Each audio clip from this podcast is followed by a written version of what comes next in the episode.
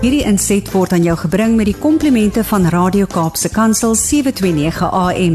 Besoek ons gerus by www.cape pulpit.co. Baie baie welkom hier op Leefse Geestesgesondheid Insetsel. Ek is Gerda Kriel, kliniese sielkundige van Somerset West en hierdie maand van Mei het ons gekuier rondom die onderwerp van depressie. Ons het begin hier eers om te kyk na die simptome van depressie en toe het ons gekyk na die tipes depressie wat ons kry. En verlede week het ons gekyk na die behandeling van depressie. Maar hoe maak jy wanneer 'n geliefde of iemand vir wie jy baie diep omgee deur depressie gaan? Hoe kan jy hulle ondersteun op 'n manier wat optimaal hulle gaan bevoordeel en hulle gaan baat? Vandag gaan ons 'n bietjie meer daaroor gesels. En ek wil julle regtig bemoedig deur te sê dat as jy iemand ken wat met depressie gediagnoseer is of wat deur depressie gaan, moenie bang wees vir hulle nie. Dis so natuurlik vir ons as mens om weg te draai of om te skrik of om vreesbevange te wees en bang te wees dat ons die persoon gaan verloor want soos wat ek in die eerste episode gesê het, depressie kan vir party mense 'n terminale siekte wees. Maar ons het as terapeute en sielkundiges so dikwels gesien hoe dit eintlik juis die bande wat mense wat depressie het het. Die die emosionele vriendskapbande, die geliefde bande wat hulle met mense het.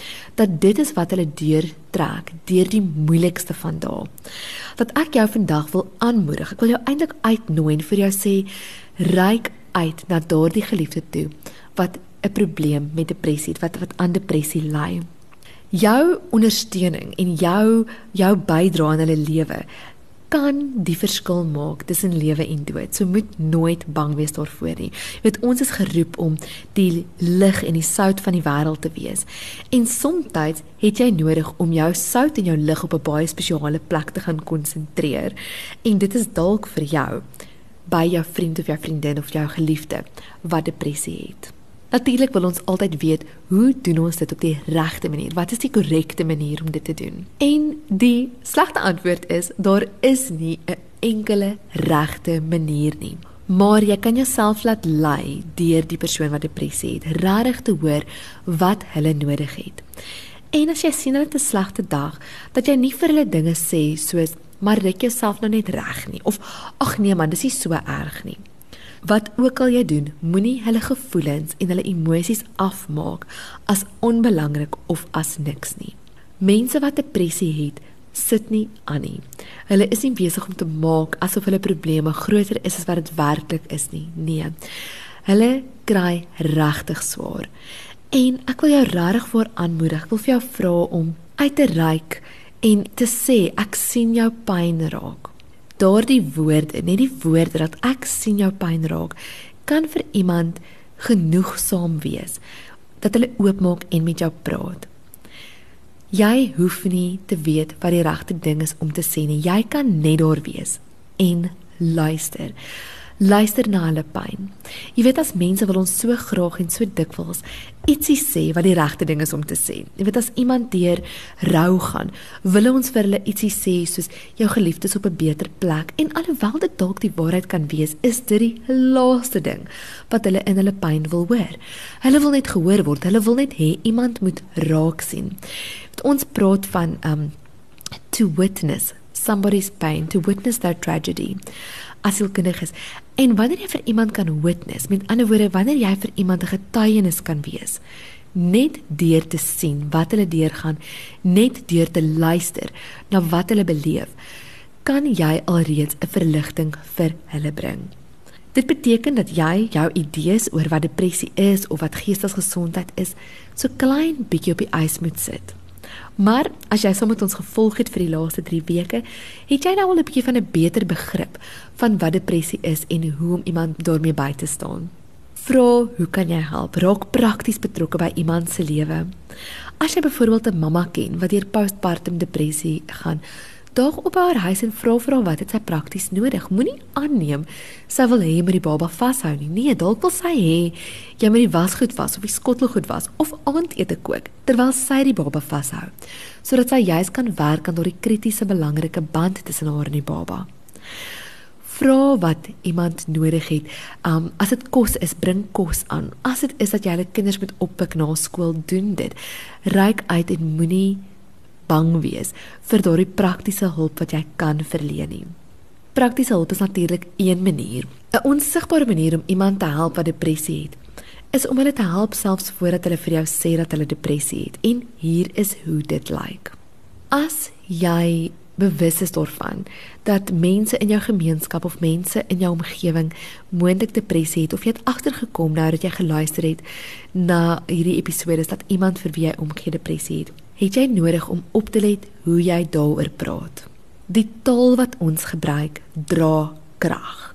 En as die woorde wat jy gebruik om oor die algemeen te praat oor depressie baie neerhalend of baie afmakerig is, dan gaan dit dadelik die mense wat in jou lewe is wat moontlik met depressie sukkel, die boodskap stuur dat jy nie 'n veilige persoon is om mee te praat nie. So selfs voordat iemand vir jou sê hulle het depressie, let 'n bietjie op. Wanneer iemand met depressie oor jou pad kom, hoe praat jy oor hulle? Noem jy hulle lui of moeg of aansitterig?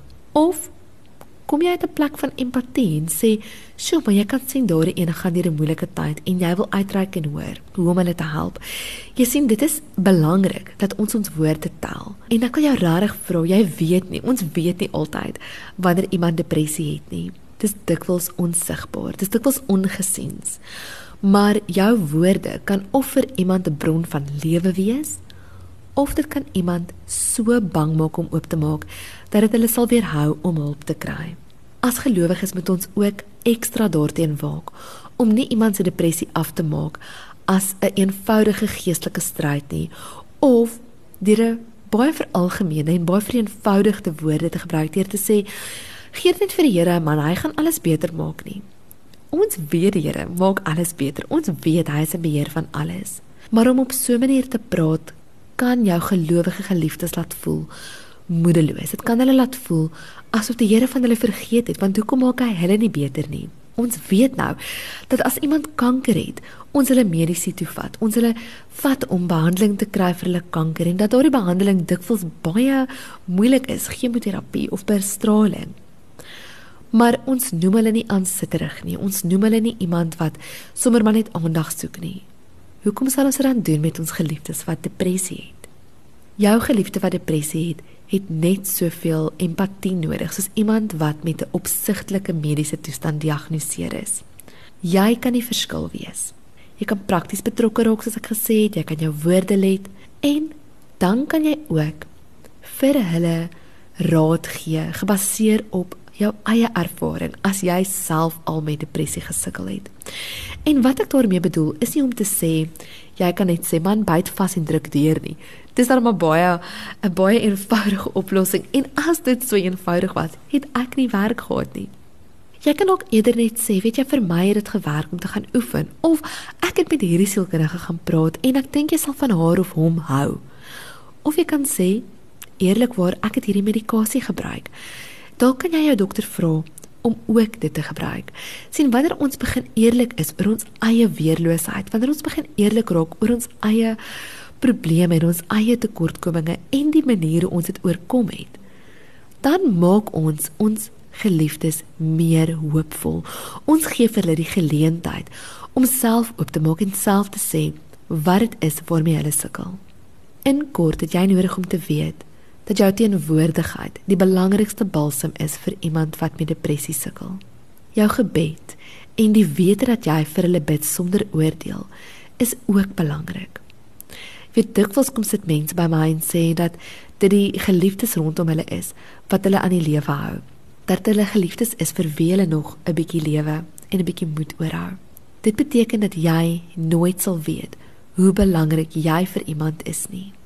As jy iemand is wat al aan depressie gelei het in jou lewe en wat daardie uitdaging oorkom het, wil jy nie eerlik wees daaroor met die mense in jou lewe wat jy kan sien ook depressie het. Jy wil jy nie uitreik en op 'n baie weerlose manier vir hulle sê hoe jy gevoel het en hoe jy dit oorkom het nie.